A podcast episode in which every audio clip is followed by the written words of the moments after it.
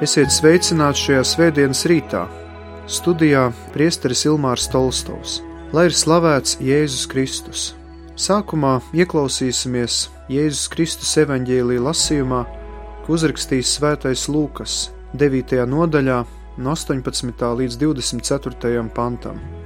Tajā laikā, kad Jēzus vienatnē lūdzās un mācekļi bija ar viņu, viņš jautāja tiem sacīdams: Par ko ļaudis mani uzskata? Viņa atbildēja un sacīja par Jāni Kristītāju, bet citi par Eliju, bet vēl citi saka, esot uzcēlies viens no senajiem praviešiem. Un viņš tiem sacīja: Bet par ko jūs mani uzskatāt? Pēteris atbildēja: Par dieva svaidīto, un viņš stingri aizliegdams, tiem pavēlēja nevienam par to nestāstīt un sacīja: Cilvēka dēlam vajadzēs daudz ciest un būt vecāko un augsto priesteru un rakstu zinātāju atmestam un nonāvētam, bet trešajā dienā viņš augšām celsies. Pēc tam viņš sacīja visiem: Ja kāds grib man sekot, tas lai aizliedz pats sevi, un ikdienas lai ņem savu krustu un seko man. Jo kas gribēs savu dvēseli izglābt, tas to pazaudēs bet kas savu dvēseli pazaudēs manis dēļ, tas to izglābs. Tie ir svēto rakstu vārdi.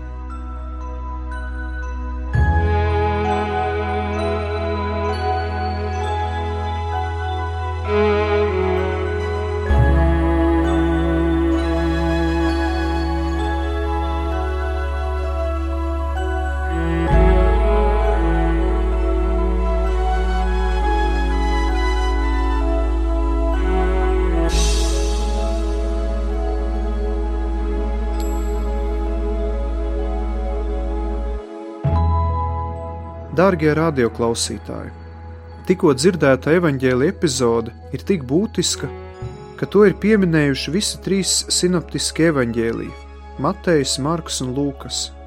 Visi šie trīs evaņģēlisti šo notikumu ir aprakstījuši katrs no sava redzes leņķa, no redzes punkta. Tomēr eh, tā doma visiem ir vienāda. Jēzus vēlas uzzināt, kāds ir cilvēku viedoklis par viņu. Ko cilvēki domā, kas viņš ir? Visos trijos evaņģēlijos uz šo Jēzus jautājumu mācekļu vārdā atbild svētais apustulis Pēters. Viņa atbilde krasi atšķirās no tā, ko par Jēzu ir teikuši pārējie cilvēki no tautas. Pēc šīs Pētera atbildes Jēzus tālāk norāda uz savām ciešanām pie krusta. Viņš runā par savu krustu. Zīmīgi, ka šis dialogs sākas tad, kad kad Jēzus ir pavadījis kādu laiku lūgšanā kopā ar mācekļiem. Tikai kopā lūdzoties, tas ir esot kopībā, nāk īstā atskārsme par patiesību. No vienas puses ir tautas viedoklis, ko tauta domā par Jēzu, un otras puses ir mācekļu viedoklis, kurš ir daudz dziļāks, jo Jēzus klātbūtne, īpaši kontakts ar viņu lūgšanā, veido mācekļu priekšstatu par Jēzu. Lūkas evanģēlijā šī epizode tiek aprakstīta uzreiz pēc maizes pavairošanas, kas ir svarīgi, jo cilvēki visā Jēzus dzīves garumā viņu uzskatīja par brīnumdari un dziednieku, bet ne jau brīnumi deva īsto atziņu par Jēzu, bet gan maize, kas nāk no debesīm.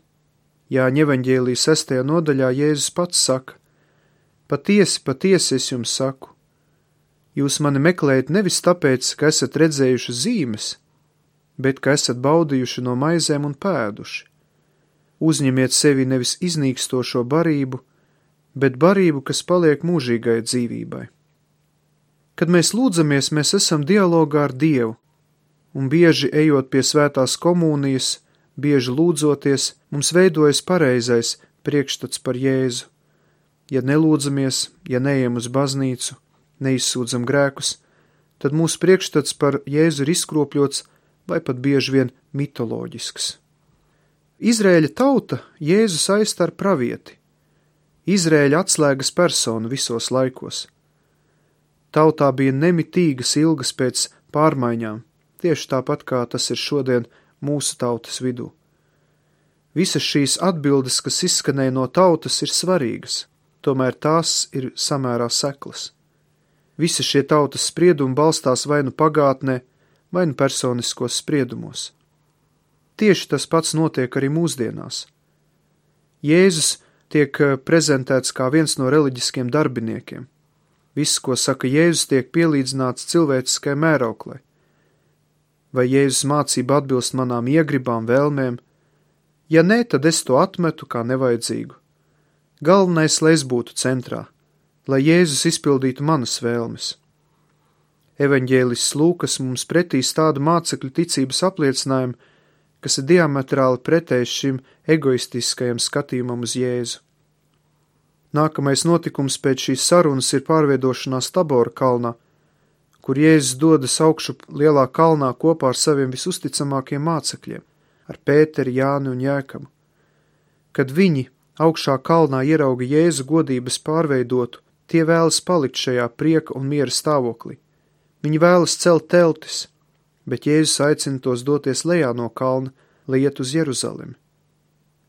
Kas tur notiks? Tur Jēzus mirs pie krusta. Šeit Pēteris norāda, lai Jēzus neiet tālāk, lai viņš paliek tur, un Jēzus viņam saka: atkāpies no manis, sātan. Ar šiem smagiem vārdiem Jēzus neatraida Pēteri un nenosoda viņu, bet viņš aizliedz Pēterim izplatīt maldīgus uzskatus par sevi. Viņš aizliedz Pēterim atrunāt viņu no savas galvenās misijas, jo visa Jēzus dzīve ir kā ceļš uz Jeruzalem, lai mirtu par mūsu grēkiem. Pētera ticības apliecība pirms tam bija tikai substantīva, tikai vārdiska, bez dziļāka satura. Pašu Jēzus būtību, viņa misijas dziļāko saturu, Pēteris tā arī nebija sapratis. Apustulis Pāvils savā slavenajā vēstules filipiešiem himnā vēlāk rakstīs. Viņš, Jēzus, dieva veidā būdams, neuzskatīja par laupījumu līdzināties dievam, bet viņš atteicās no sevis pieņemdams kalpa veidu. Kļūdams cilvēkiem līdzīgs, viņš ārīgi izskatījās kā cilvēks. Viņš pazemojās, kļūdams paklausīgs līdz nāvei, līdz pat krusta nāvei. Jēzus ceļš tas ir krusta ceļš bet arī mēs vienmēr vēlamies iet to vieglāko ceļu, ceļu, pa kuru Jēzus nekad un nemaz nav gājis. Tā ir iluzora kristietība. Kristietība bez satura, tikai ar skaistām, deklaratīvām, dekoratīvām frāzēm. Kristietība, kas ir tālu no patiesā Kristus. Jēzus vārdi Pēterim skan baisi, atkāpies no manis sātan, jo tu nesaproti to, kas ir no Dieva. Tikai pēc lieldienu notikumiem – Tikai pēc vasaras svētkiem apustuļi, Jēzus mācekļi saprata, piedzīvoja ticībā Kristus patieso mērķi un tam sekoja. Visi apustuļi izņemot Jāni atdeva savas dzīvības, izlēja savas asinis par ticību Kristum. Līdz krusta nāvei mācekļi ieguva pieredzi, kas vēlāk Kristus krusta nāves un augšām celšanās gaismā, svētā gara spēkā palīdzēja veikt misijas uzdevumu visā pasaulē. Dažreiz mums baznīcā šķiet kādas lietas, kas ir nērtas, nepatīkamas, pat traucējošas, un mēs vēlamies aiziet. Mēs bieži vien vēlamies baznīcu pārveidot pēc sava tēla un līdzības.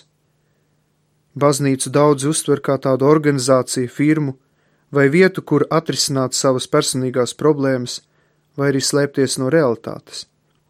Bet atcerēsimies, ka tad, kad Jēzus runāja par savu miesu un asinīm, kura dod dzīvību, Tad daudzi klātesošie teica, cieta ir šī runa, kas to var klausīties, un daudzi aizgāja.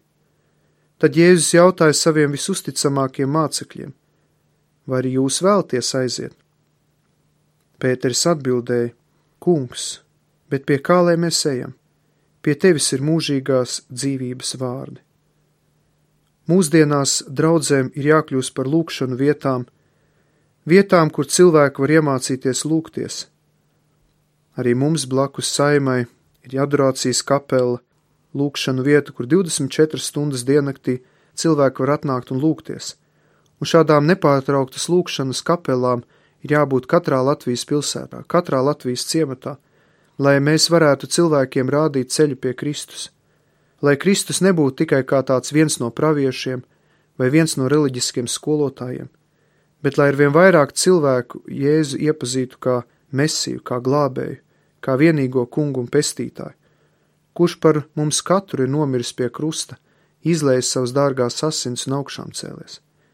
Un arī mēs varam kopā ar Pēteri apliecināt savu ticību, sakot, Kungs, tu esi Dieva dēls, tu esi Mesija. Pie kā lai mēs ejam, jo pie tevis ir mūžīgās dzīvības vārni. Un šodien Jēzus arī mums katram jautā, bet par ko tu mani uzskati? Kas es esmu tavā dzīvē? Vai esmu tikai viens no daudziem skolotājiem, mācītājiem, viens no daudziem gurū vai kādiem austrumu praviešiem? Vai es tomēr esmu ceļš, patiesība un dzīvība? Jēzus saka, neviens nenonāk pie tēva, kā citādi caur mani. Ieaicināsim Jēzu šodien savā sirdī un pieņemsim viņu par vienīgo kungu un glābēju. Un pat ja mūsu priekšstati vēl nav pilnīgi, mēs esam aicināti nokāpt no Tabora kalna un doties uz Golgātas kalnu, lai pēc tam Olīvu kalnā piedzīvotu personisku un dzīvu klātbūtni ar Jēzu. Paliksim vienotībā ar kungu un ļausim svētajam garam pārveidot mūsu sirdis. Lai ir slavēts Jēzus Kristus! thank you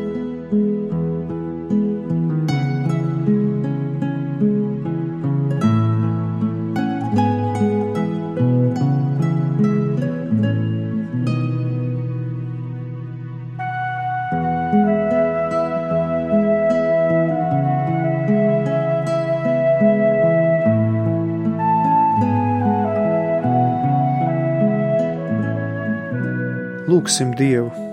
Kungs, Dievs, mēs nākam Tavā priekšā un lūdzam, lai Tu atver mūsu sirdis, lai mēs varam vairāk Tevi iepazīt kā vienīgo kungu un pestītāju, lai mēs Tevi varam iepazīt kā Dieva mesiju, kā Dieva svaidīto, lai mēs apzinātos, ka Tu esi kas vairāk nekā Jānis Kristītājs, kas vairāk nekā Elija, kas vairāk kā pravieši. Palīdz mums labāk saprast, cik svarīgas ir attiecības ar Tevi Palīdz, kungs, mums pieņemt ikdienā savu krustu, nest to un iet tev līdzi, sekot tev gan uz Tabora kalna, gan uz Golgātas kalna, gan uz Olīvu kalna. Un dari, lai mēs būtu tavi liecinieki šeit Rīgā, Latvijā, visā pasaulē līdz pat zemes robežām. Un mēs lūdzam, kā tu esi mūs mācījis. Mūsu Tēvs debesīs, svētīts lai top tavs vārds, lai nāk tava valstība Tavs prāts, lai notiek kā debesīs, tā arī virs zemes. Mūsu dienascho maizi dod mums šodien, un piedod mums mūsu parādus, kā arī mēs piedodam saviem parādniekiem, un neieved mūsu kārdināšanā, bet atpestī mūs no ļauna, jo tev pieder valstība, spēks un gods mūžīgi mūžos. Āmen!